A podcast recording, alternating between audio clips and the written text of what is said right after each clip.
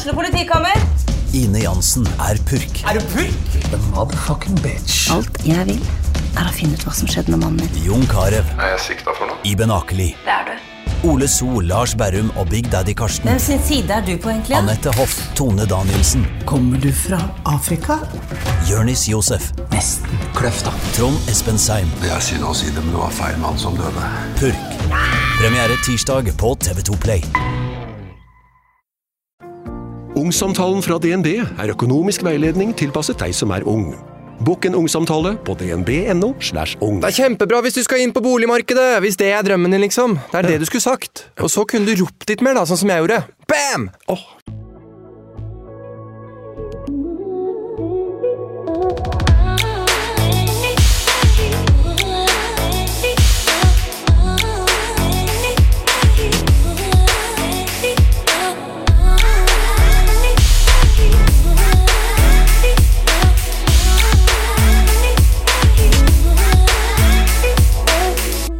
Tenk deg at du går inn i matbutikken. Det er torsdag ettermiddag, og det kryr av andre som også skal handle. Forestill deg at du har med deg datteren din. Det er sjelden hun pleier å få være med, men i dag så hadde du ikke noe annet valg. Du pleier å gjøre det du kan for å unngå det, for du vet at det kommer til å gjøre vondt. Det gjør det allerede ved inngangen. Ved inngangen står det en blid mann med varme sveler som tilbyr dere en smakebit. Du takker pent nei. Men før du har rukket å reagere, så har datteren din puttet en svelebit i munnen. Hun spør om dere ikke kan kjøpe to store sveler, én til hver. Du vet at eh, det er det mannen med svelene gjerne vil, og du vet også at det var grunnen til at du sa nei. Og du må si nei nå også. Flaks for deg at du kan skylde på at det bare er torsdag. Du skal ikke ha så mye. Og du har skrevet en handlelapp du skal følge nøye. Eller vent litt. En handlelapp du må følge nøye. Det er ikke rom for endring eller fristelser. Og i hvert fall ikke til to sveler til 50 kroner. Du har regna med fem kroner i forskjell, for det hender at prisene varierer litt. Du lurer på om andre folk legger merke til det idet du putter pakken med makaroni ned i kurven. Neste punkt på lista er skinke. Du og datteren din står foran det gedigne utvalget, og idet du skal til å putte skinka ned i kurven din, drar datteren din deg i hånda. Hun spør om hun ikke kan få salami i stedet. Hun forteller at hun fikk smake det av en av de andre i barnehagen, og at det var mye bedre. Salamien koster noen kroner mer. Og nå sier du ja. Idet du sier ja, så vet du at det ikke er rom for flere tilfeldigheter. Det passer derfor dårlig at tannbørsten du pleier å kjøpe, har gått opp med noen få kroner. Tannbørsten får vente. Du går rett til kassa, og datteren din spør om hun kan få brus.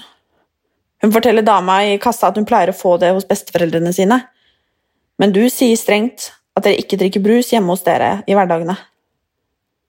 Sannheten er jo at dere ikke gjør det i helgene heller. Igjen, flaks at du kan unnskylde deg med sunnhetskortet. Du elsker jo brus. Iskald Cola Zero. Det er kanskje det beste du veit, men ikke i dag, og ikke i morgen. På vei ut i bilen blir dere stoppet av noen som spør om dere vil kjøpe lodd og muffins. Du er hun sure dama som bare går forbi uten å si noe, og idet du setter deg i bilen, så er klumpen i halsen så stor at den nesten renner over. Det du nettopp hørte nå, det var en eh, historie fortalt av en eh, forelder som eh, jeg har snakket med i forbindelse med dagens podkastepisode. Og i dag så skal jeg snakke med en eh, mamma, en alenemamma til en jente på barneskolen, om eh, Jeg vet egentlig ikke hva man sier. Om økonomi og det å ikke ha så mye å rutte med.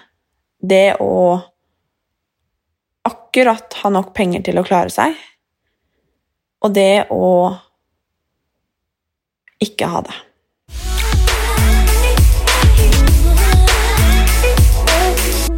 Hvem er, eh, hvem er du? Jeg er en eh, jente, eller dame, da, sier man vel nå, på, i slutten av 20-årene, som bor i nærheten av eh, Oslo. Jeg jobber som lærer, og har et barn som nærmer seg ti år. Mm. Du ble mamma ganske tidlig. Mm. Ble mamma rett rundt 20-årene. Var eh, litt uplanlagt, men veldig, veldig hyggelig. Mm. Veldig ønska. Hun var veldig ønska. Mm. Var du ferdig med Hadde du noe utdannelse eller eh, noe fast jobb? Nei, jeg hadde tatt friår fra videregående, for jeg hadde så lite å gjøre. Og ingen planer, så jeg tenkte jeg skulle slappe av litt. Ja. Og så hadde jeg plutselig planer de neste 18-20 årene. så jeg har tatt siste året på videregående og hele utdannelsen min med et lite barn på slep. ja. Mm. Hvordan har det vært å både være ung mamma, men også å liksom skulle få seg en utdannelse og en karriere med en liten en på slep? Mm, det har vært både veldig fint og veldig stressende. Det fine med å ha barn er at du får en struktur på livet. Jeg må være ferdig med skolearbeid når hun skal hentes. Ehm, Jeg må lese til eksamen i gitte perioder. Eh, Veldig liksom intenst å være på mens jeg er på, som gir en veldig sånn fin struktur. Ehm, Og så er det veldig krevende fordi det studiet jeg gikk på, har eh, obligatorisk oppmøte på 80% og hvis du ikke møter opp de 80 så får du ikke ta eksamen. Noe som er ganske krevende når du er alene med et barn. Um, hun har slitt med mye sykdom fra hun var liten, som har ført til veldig mye fravær. Og så er det jo ikke det, på studier sånn som det er i arbeidslivet, at du har liksom ti dager med sykt barn. Her er det bare å møte opp. Så det har vært en eh, har vært krevende i de periodene hvor hun har vært mye syk, da, hvordan man skal få det til å ja, funke, rett og slett, for å ta eksamen. Mm. Så har det på sett og vis gått. Um, har hatt uh, familie rundt meg som har hjulpet meg mye. Uh, uten de så hadde jeg ikke tatt, fått tatt eksamen, rett og slett. Um, og så har vi møtt på et helsevesen som har vært veldig ålreit med å tilpasse etter de dagene jeg har mulighet til å dukke opp. Men det har liksom vært på sånn Ligget på 19% fravær og sånn. Og det har vært akkurat Mm. at det har gått alle årene. Men det har gått, da. Så fint, da. Mm. Det er jo råbra. Ja, det har vært veldig fint, og så har det vært veldig lærerikt også. Mm. Det å utdanne seg som pedagog mens man er forelder, så får du noen, ganske mange sånn aha-opplevelser med hva man ikke burde ha gjort, og hva man har fått til, og så, så man eh, får anvendt det hjemme også. Mm. Jeg eh, la jo ut på eh, mine sosiale medier, for at jeg eh, Når jeg bestemte meg for at jeg ville snakke om Eller at jeg ville ta opp dette med økonomi, som er et gigantisk tema, eh, på godt og vondt. Eh, og alle mennesker har jo et forhold til økonomi, på godt og vondt. Um, så fant jeg fort ut at det var viktig for meg å ta opp eh, både liksom de fine sidene av økonomi, hva man kan gjøre, hvordan man kan bli god på økonomi, hvordan man kan lure noen trill rundt med økonomi, og hvordan det faktisk er å ha en veldig trang økonomi. Um, og da la jeg jo ut på sosiale medier, um, og det var jo sånn jeg kom i kontakt med deg, Mm.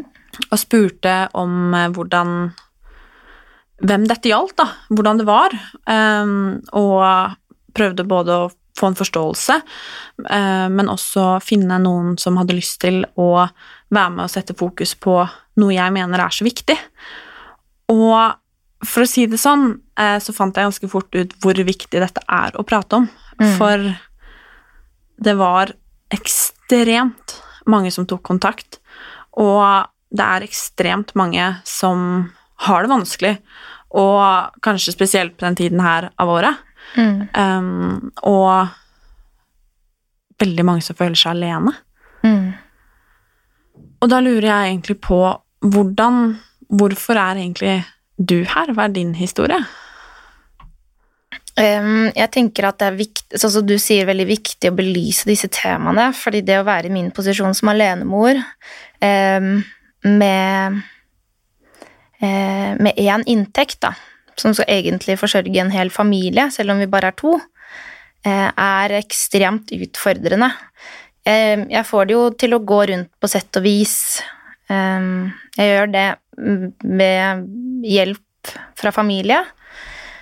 Men jeg tenker at det er veldig viktig å belyse det hvor krevende det er. Ikke nødvendigvis fordi at man skal bli kasta penger etter, eller eh, at man skal få sympati, men at det handler om at det, mye, man kommer veldig langt med forståelse. Eh, det Jeg har jo hatt perioder hvor det har vært så ille at jeg liksom har levd på havregryn de helgene hun har vært borte.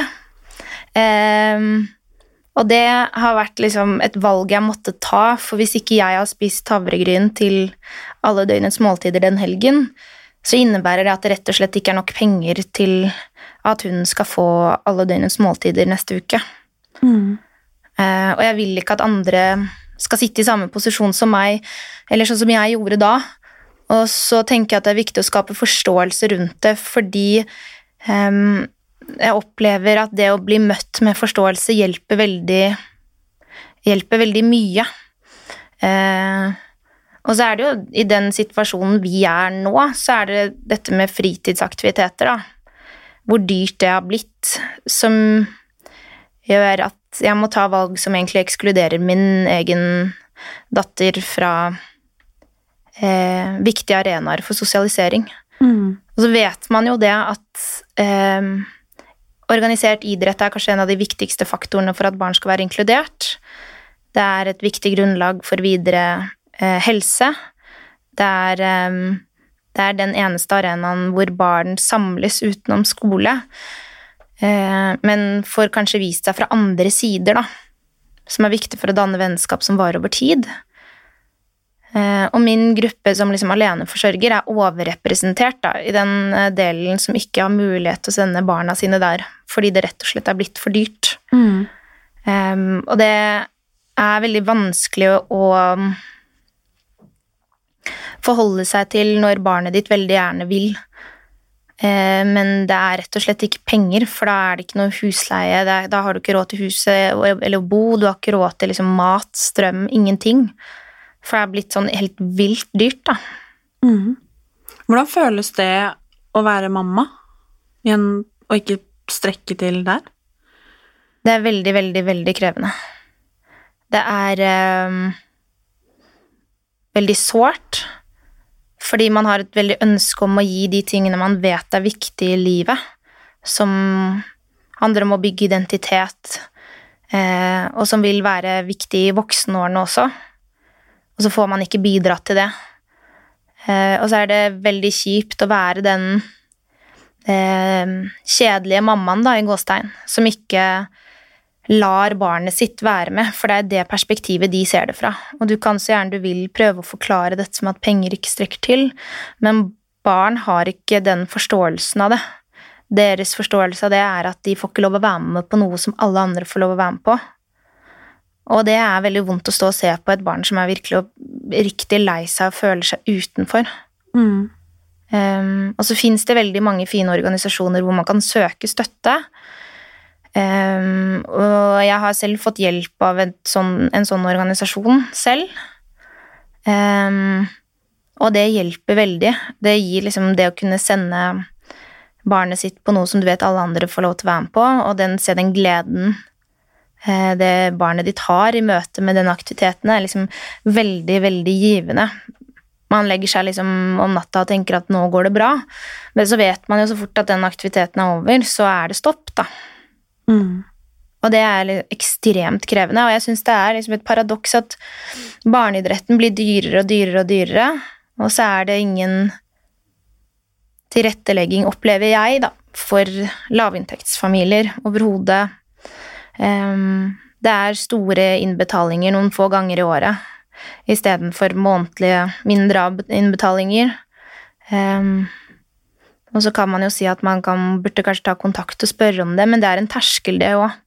For da går du liksom ut med fullt navn på vegne av deg selv og barnet ditt og sier at hei, vi har kjempedårlig råd. Og i det samfunnet her så er det på en måte litt sånn um, Hva skal jeg si, ikke tabu, men det er em, Det blir opplevd som veldig sytete, kanskje. Og spesielt hvis du er aleneforsørger.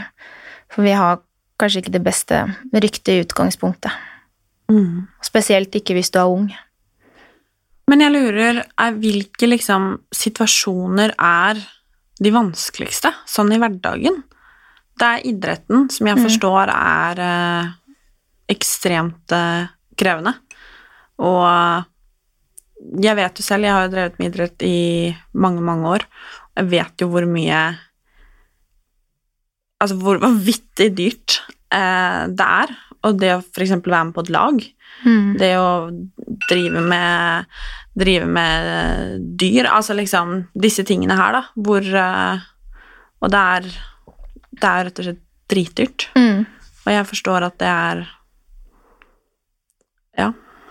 Mm, det er veldig krevende. Men det, altså, det er jo en av de tingene som eh, jeg syns er mest utfordrende i hverdagen, er dette med aktiviteten, for det er ukentlig.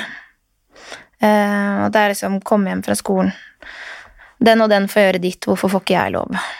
Eh, det er veldig vanskelig å stå i, og så er det De største utfordringene syns jeg også er dette Det skal ha- handle sommerklær og vinterklær, og det kommer ofte i liksom masse ting som skal inn samtidig, og så kan man si ja, men da må man planlegge kjøpene sine bedre, men barn vokser ikke Det er ikke mulig å beregne måten barn vokser på, så jeg kan ikke nødvendigvis kjøpe sommerklær når de er på salg på høsten, fordi at jeg, jeg har ikke råd til å gjøre et bomkjøp. Og det er sannsynligheten for at det passer liksom ti måneder frem i tid, det er veldig liten, da. Eh, Men det å bare få kjøpt inn det som er nødvendig, som kommer liksom ofte i sånne bolker, eh, det er ekstremt utfordrende. Um, uh, og så er det Rundt jul er veldig, veldig vanskelig, for da er det julegaver til ja, barnet, og så er det masse ting som skjer i forbindelse med dette. Det er eh, ikke spesielt hyggelig å sende eller få barn sitt hjem fra skolen som forteller alle andre som har pakkekalender, men de har sjokoladekalender. Altså det, sånne, det kan oppleves som trivielle ting for andre, men for det barnet er det ekstremt vanskelig å forholde seg til. Men hva sier, hva sier du da? Fordi det er sikkert lett for folk å si at ja, men herregud, man må jo ikke ha pakkekalender for å, for å være glad, liksom, eller eh, trenger ikke være så bortskjemt, liksom. Det tror jeg er lett for folk å si. Men hvordan, hvordan er det for en mamma, da? Hvordan er det, hva, hva svarer du? Hva, hvordan forklarer du det? Jeg prøver å være mest eh, ærligst mulig med barnet mitt, om, uten at det skal på en måte ramme henne for mye, men jeg sier ofte, eller i disse situasjonene, så pleier jeg å si til henne at det, det handler eh, hand, altså Hvis vi skal Du kan godt få pakkekalender hvis du vil det, men da er det ikke noe julegave og bursdagsgave. Du kan godt få eh, være, få pakkekalender, men da kan vi ikke gjøre Da er det en del ting som forsvinner, da. Eh, og hun har heldigvis eh, Hun er et veldig reflektert barn til sin alder, da. Så hun har stor forståelse for det, samtidig som det er veldig vondt for henne. Men det å liksom sitte i den vurderingen hva man skal si, er også veldig vanskelig når man er alene, for du har ingen å spare med. Eh, og det gjør at det fører til at man liksom sitt, blir sittende og tenker veldig mye over hva er det jeg sier, og hva er egnet å si. Eh, hvor mye skal hun vite, og hvor mye har hun rett til å bli skjermet fra?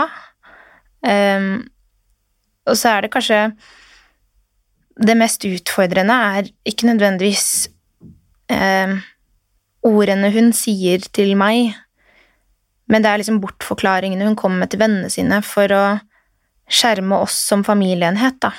Mm.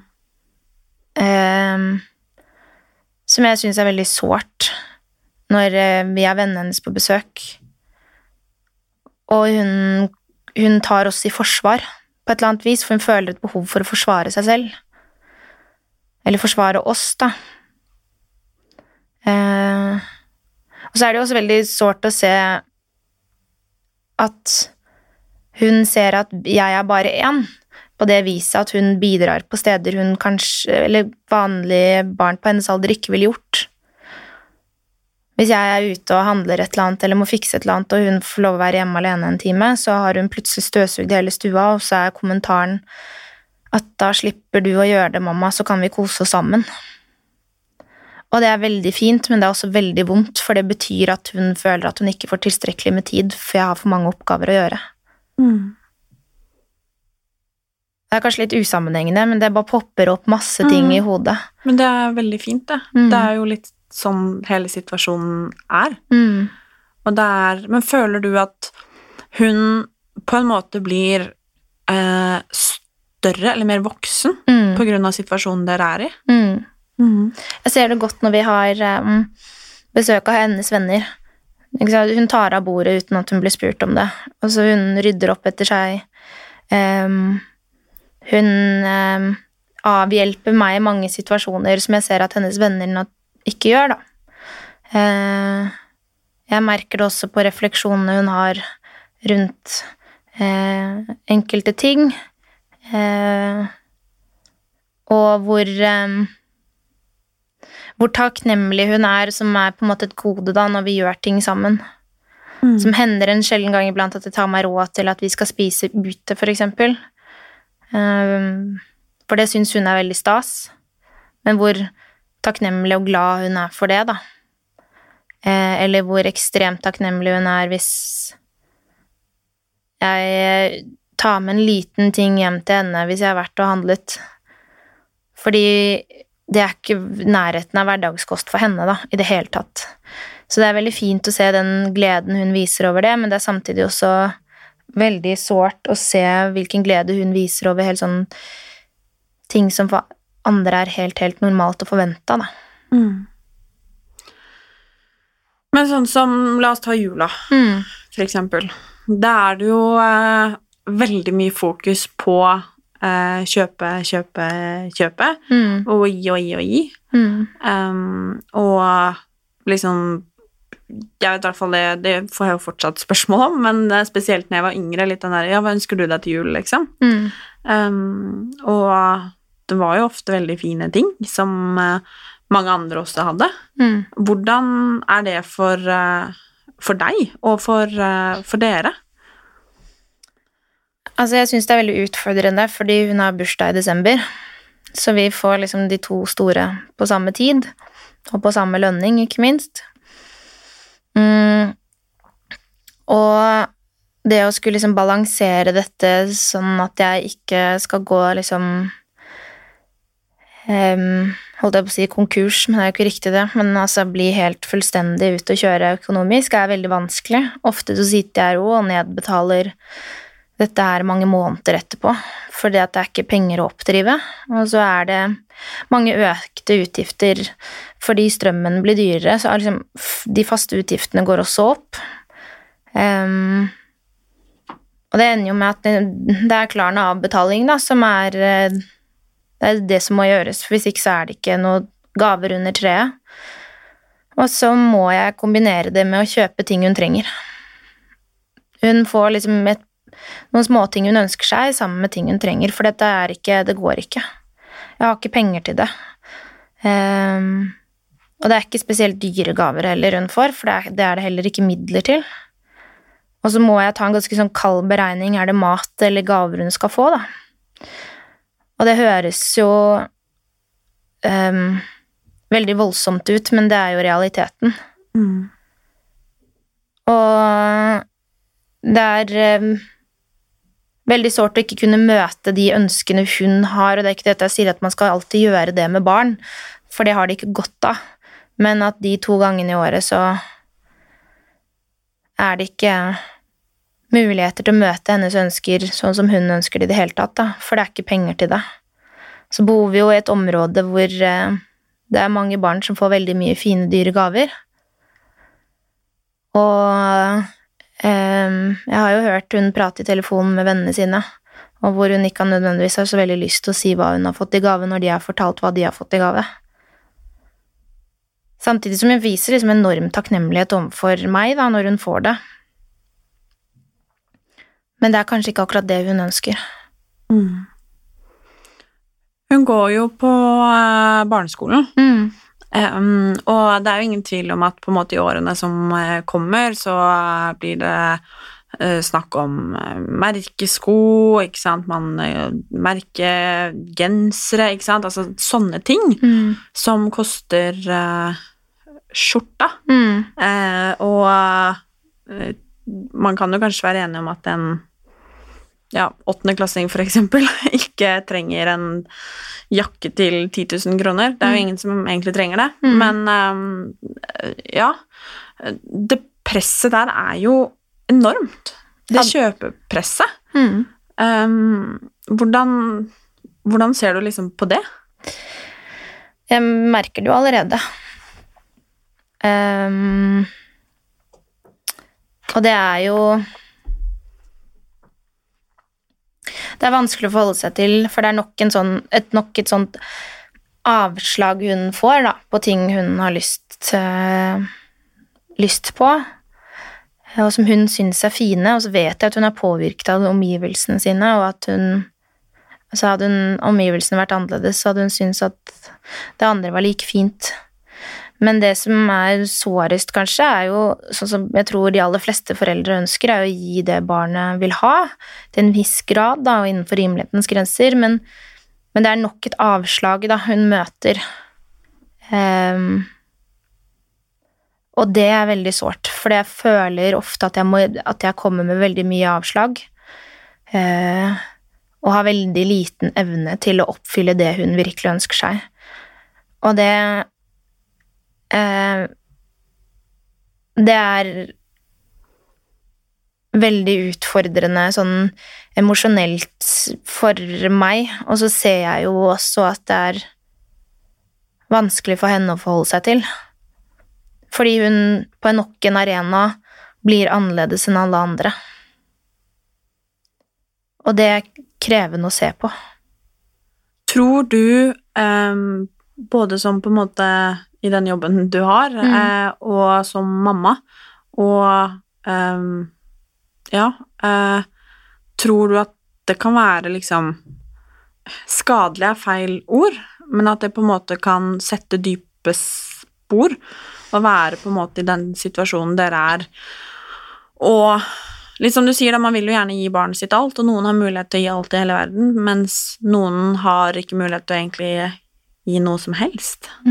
Um, om det liksom Hvilke forskjeller eller utfordringer, eller fordeler for så vidt også, det kan gi videre i livet. Så sånn, Man vet jo ut ifra en del forskning at det utenforskap, når man starter liksom livet Den sosialiseringen som barnehagen, skolen og det fellesskapet er en del av Man starter med det med å føle utenforskap og være eh, annerledes i gåstegn enn en, majoriteten har eh, har eh, hva skal jeg si, konsekvenser også i det voksne liv. Og jeg, som alenemor så vil jeg jo si at det er mange konsekvenser av det å være alenemor, men jeg tror det er en større eh, påvirkning å være oppvokst i en lavinntektsfamilie. Og man vet at det, det kanskje liksom største problemet er denne vedvarende følelsen av, um, av utenforskap, fordi det blir en del av identiteten til barnet uh, også i voksen alder, som i sin grad kan påvirke, eller man vet at det til dels påvirker veldig um, selvfølelsen.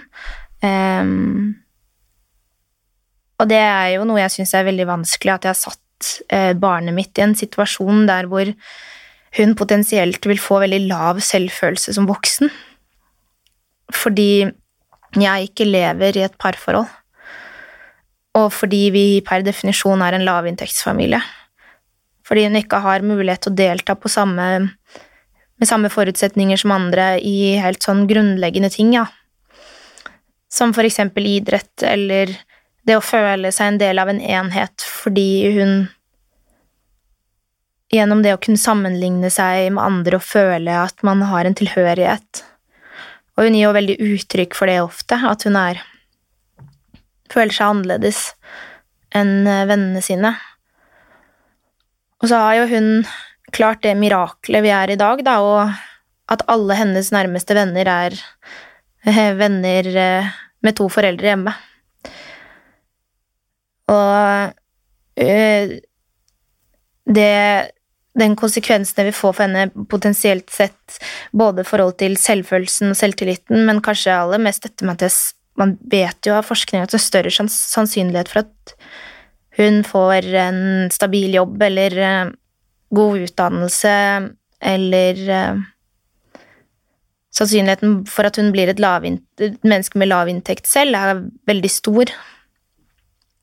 Og det å vite at man på en måte kanskje har vært en ganske stor avgjørende faktor for at hun både vil, kan få lav selvfølelse, få eh, jobb med lav inntekt, og at hun på, vil føre denne ikke-tradisjonen, for jeg er førstemann til å være alene i min familie, men at det at hun kan ende opp på samme vis og sitte med de samme bekymringene som jeg har gjort gjennom mange år, det er veldig vondt å tenke på. For jeg skulle ønske for alt i verden at, ikke, at det ikke var sånn. Og det er mange ganger at jeg har tenkt at jeg skulle gjerne ønske jeg ble i det forholdet jeg var i, selv om det på sett og vis ikke var sunt overhodet. Så har jeg mange ganger tenkt på om det kanskje kunne gitt henne mer trygghet, eller en muligheten til en følelse av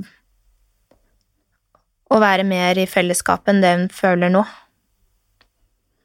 Mm. Ja, det er ganske sånn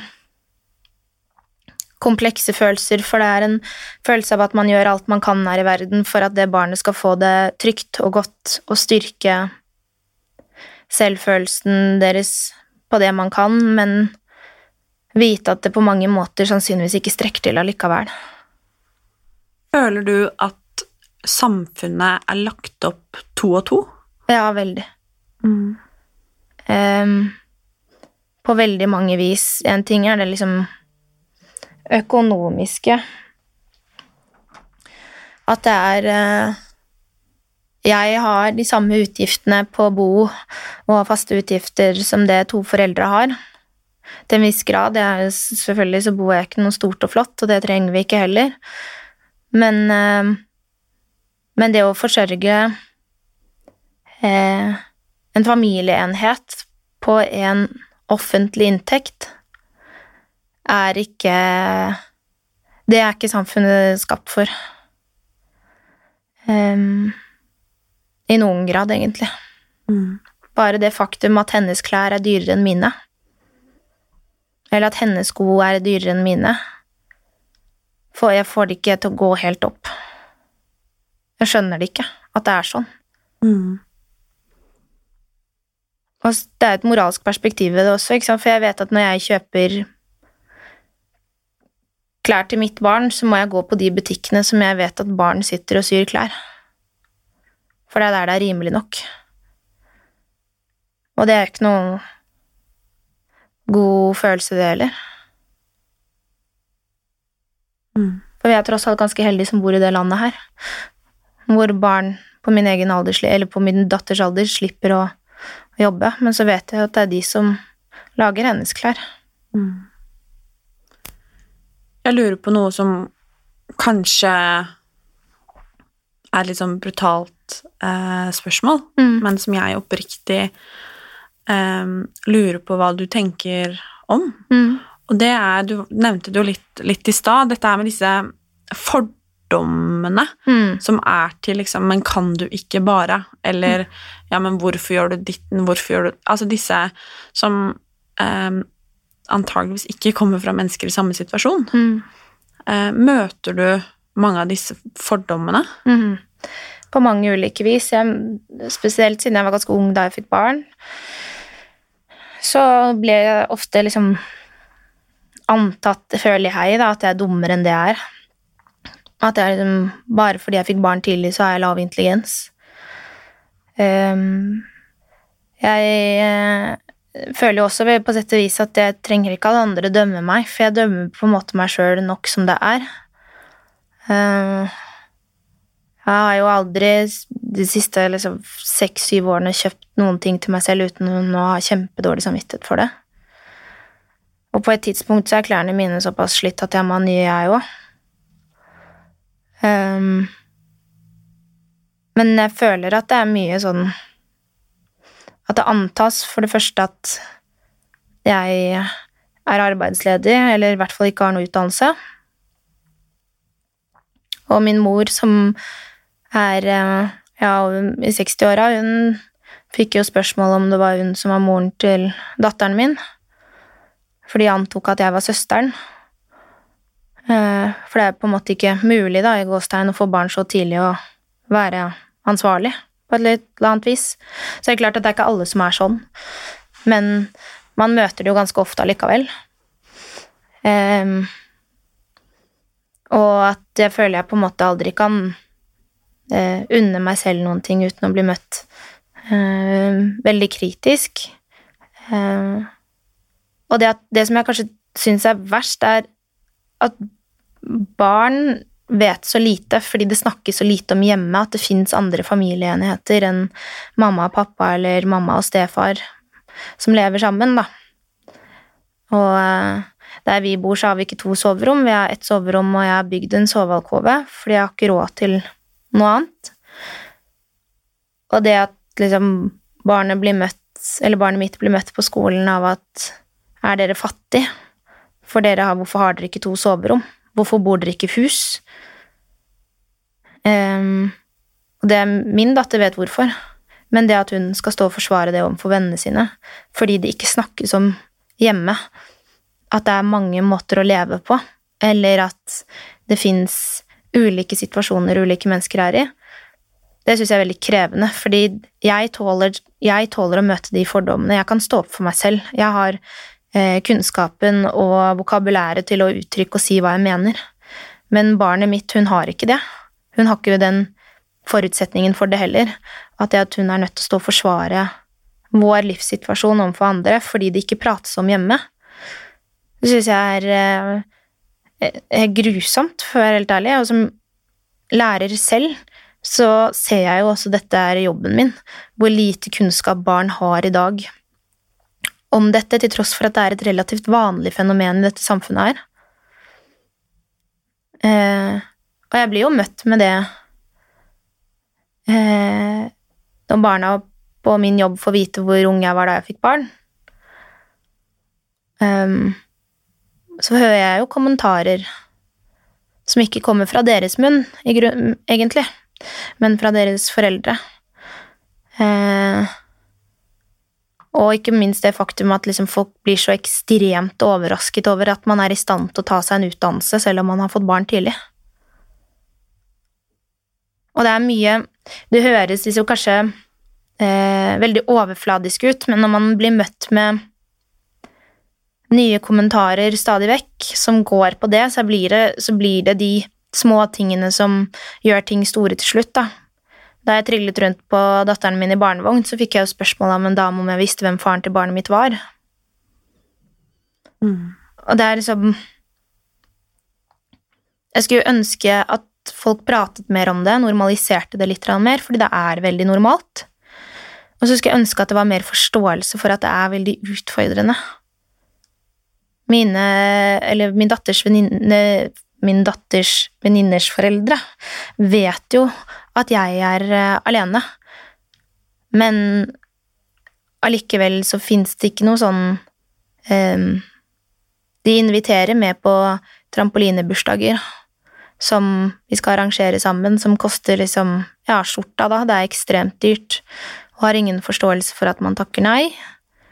Um, det er uh, ting som skal gjøres og væres med på hele tiden, som koster mye penger, og det er fortsatt ingen forståelse for at det at det ikke er mulig. Og det er det liksom største problemet med de fordommene som man møter som alene forelder, syns jeg personlig, da, er at eh, det er automatisk Jeg føler at de gjør meg til et dårligere menneske gjennom deres syn, da med å anta at jeg ikke er eh, smart nok eller oppegående nok, eller det faktum at jeg blir sammenlignet med mennesker som har vært på liksom, Unge mødre TV-program. Jeg er ikke de, jeg er meg. Og jeg har ikke lyst til å bli sammenlignet med noen andre bare på bakgrunn av at jeg også er alene med barnet mitt. Skammer du deg? Jeg skammer meg ikke over å være aleine, men jeg skammer meg over å ikke kunne gi datteren min de mulighetene jeg skulle ønske hun kunne ha. Og så skammer jeg meg veldig over at hun lider av det. Og at uansett hva jeg gjør, så får jeg ikke gjort noe med det. For jeg kunne liksom, Jeg har tenkt mange ganger på om jeg skulle hatt en ekstra jobb for å få det til å gå rundt, men det har jeg ikke tid til, for den det rammer av henne. Og jeg har tenkt mange ganger på hva jeg kan gjøre. Jeg, det er mange måneder jeg står og selger ting vi har hjemme på Finn og Tice for å få råd til ting. Jeg skammer meg over at jeg liksom Jeg må gå dit, da, for å få det til å gå rundt. Jeg skammer meg over å eh, be moren min om hjelp med penger. Fordi jeg burde ikke gjøre det liksom forhold til hvor jeg er i livet, da, så burde jeg være mer selvstendig. Så skammer jeg meg veldig over at at jeg veldig ofte tar meg selv i å si til datteren min at det kan vi ikke gjøre, for det har vi ikke penger til nå. Og at um, hun på mange sett og vis blir skadelidende av det. Og at det går veldig på den følelsen av å være en Det påvirker veldig den følelsen av være, hvordan man er som forelder. At jeg liksom kan gi henne så mye kjærlighet jeg bare vil, men hun vil fortsatt være annerledes enn de fleste av hennes venner. Og det får jeg på mange måter ikke gjort noe med. Og det er veldig vondt. Hva kan eh, jeg gjøre for å lette på den skammen? Jeg tror liksom det må snakkes litt om på en måte som er normalt, at folk må slutte å snakke om aleneforeldre som mindre smarte eller eh, anta at det er lett å være aleneforelder selv om man bor Eller fordi man bor i et, det landet vi bor i. Fordi jeg vet utmerket godt at ehm, vi er heldige som bor her og er alene med barn. For det er ikke Det er mange andre land det er veldig mye mer krevende å bo i som aleneforsørger, men jeg skulle på mange måter ønske at man hadde en større forståelse for situasjonen man er i. Og slutte å anta at man får kasta penger i huet og ræva etter seg av Nav. For det er ikke sånn det funker. Eh, og jeg har fått spørsmålet mange ganger om er det ikke bare å gå og be Nav om penger. Nei, men det funker ikke sånn, og dessuten skal man ikke utnytte, altså utnytte Nav på den måten. Eh, ikke det at man gjør det, men har man et reelt behov og søker penger, så får man som regel det. Men det er ikke, bare, det er ikke sånn det funker. Mm. Men jeg tenker på en ting. Mm. Når jeg sitter og hører på deg prate nå, Mm. Så tenker jeg litt sånn at du um, Og det tror jeg er veldig knytta til den skammen, Mm. um, som jeg tror Eller som jeg forstår at du og veldig, veldig mange føler på. Mm. Um, at du har jo lov til å føle som du gjør, og ha det sånn som du gjør, og synes at det er ille nok, hvis du skjønner hva jeg mener. Mm. For jeg tror at my av den skammen så tror jeg man ofte tenker at neimen, det er ikke så synd på meg, eller jeg, jeg har ikke lov til å klage fordi at du har det liksom så fint, og det er noen som har det verre. Og jeg tror det er veldig menneskelig å tenke sånn, Mm. men man har faktisk lov til å føle akkurat det man gjør, og det er liksom greit, og jeg tror ikke man på en måte trenger å dytte den skammen unna fordi at nei, men jeg har ikke lov til å føle på det, fordi det er noen som har det verre. Mm. Jeg tror du har rett i det, og så tror jeg det handler om at det er en sånn slags mestringsstrategi. At hvis man eh, tenker at noen har det verre, eller at det, kunne vært verre, så er det lettere på sett og vis å forholde seg til.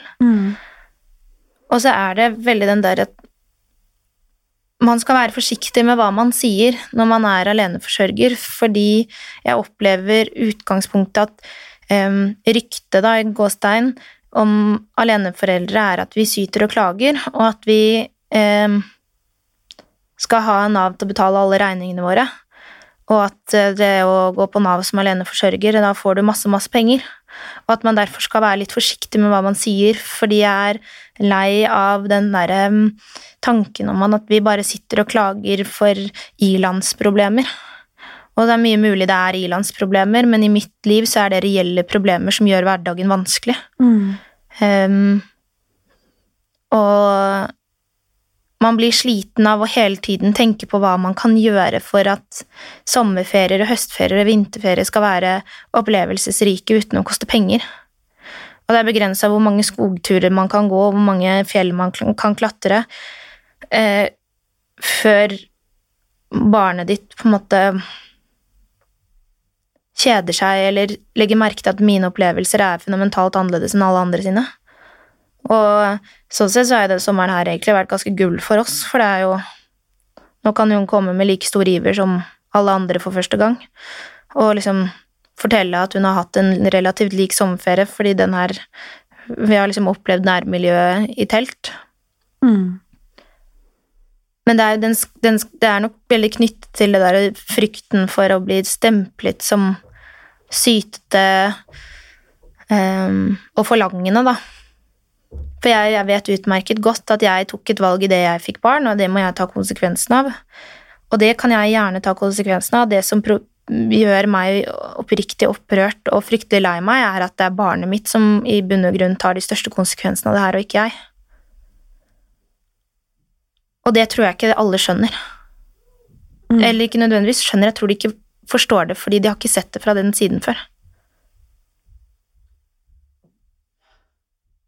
Jeg syns det er ehm, Jeg blir lei meg. Fordi at ehm, Det er ganske sterke saker, liksom. Og jeg ehm, vet jo at du er en fantastisk mamma for ditt barn. Ehm, og det er kanskje klisjé å si det, jeg veit ikke, men det veit hun nå. Og i bunn og grunn så skulle hun aldri ha bytta bort deg mot eh, gull og grønne skoger. Nei, jeg håper ikke det.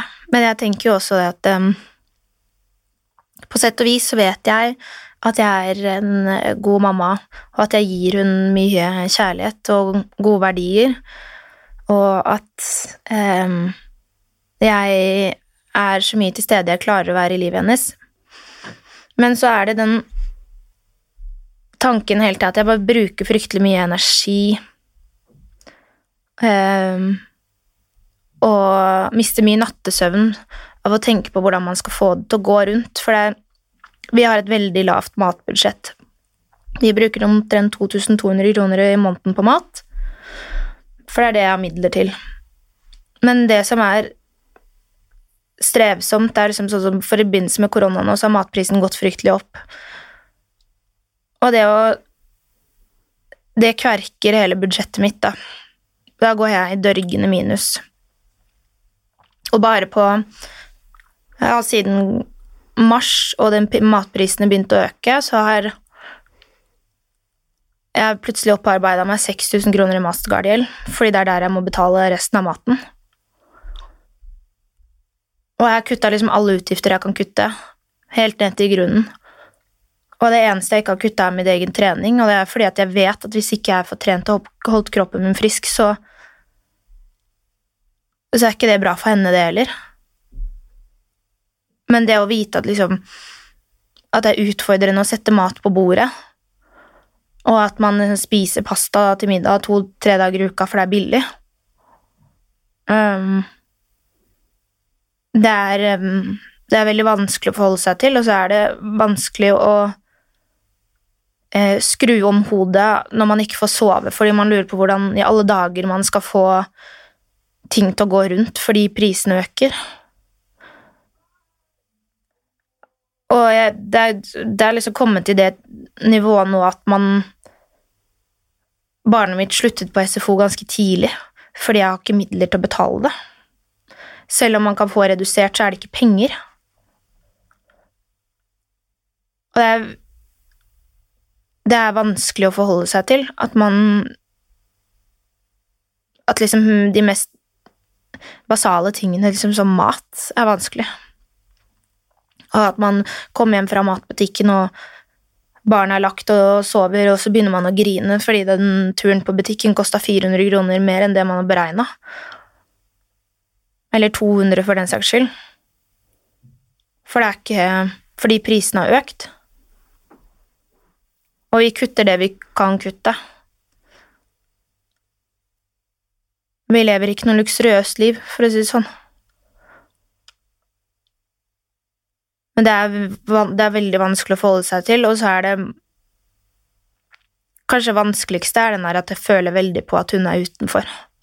Og at jeg er livredd for at hun skal føle veldig på det selv. Og føle seg annerledes. Um, så ser jeg at hun gjør det, så uttrykker hun at hun gjør det. Og da sitter man igjen med en sånn ekstrem skyldfølelse og ehm,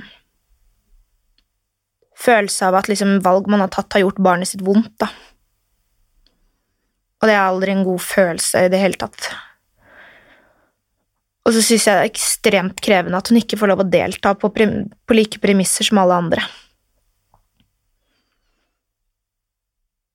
Har du noen ting For jeg veit at det sitter noen nå eh, og lytter, em, som er i samme situasjon som deg, Mm.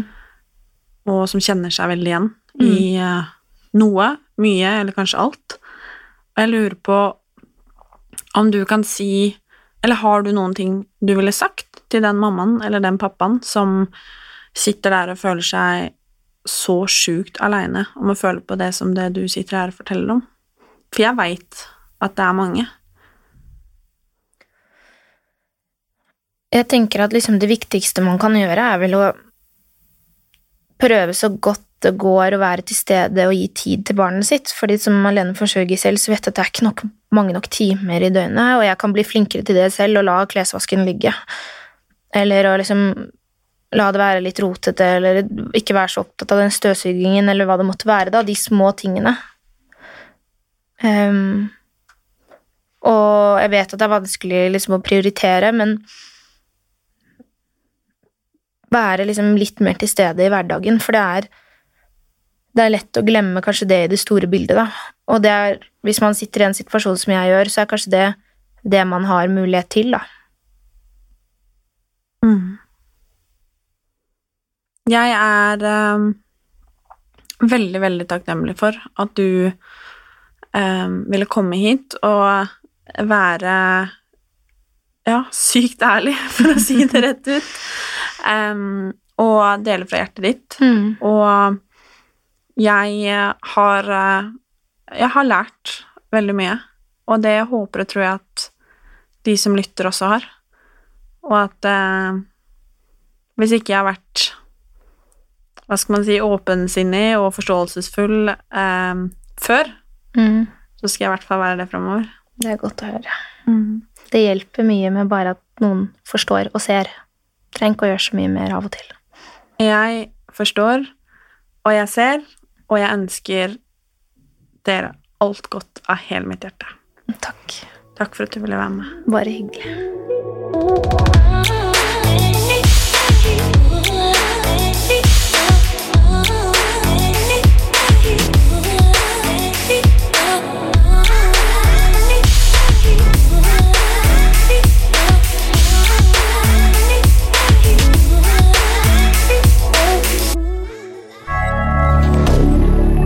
Moderne media.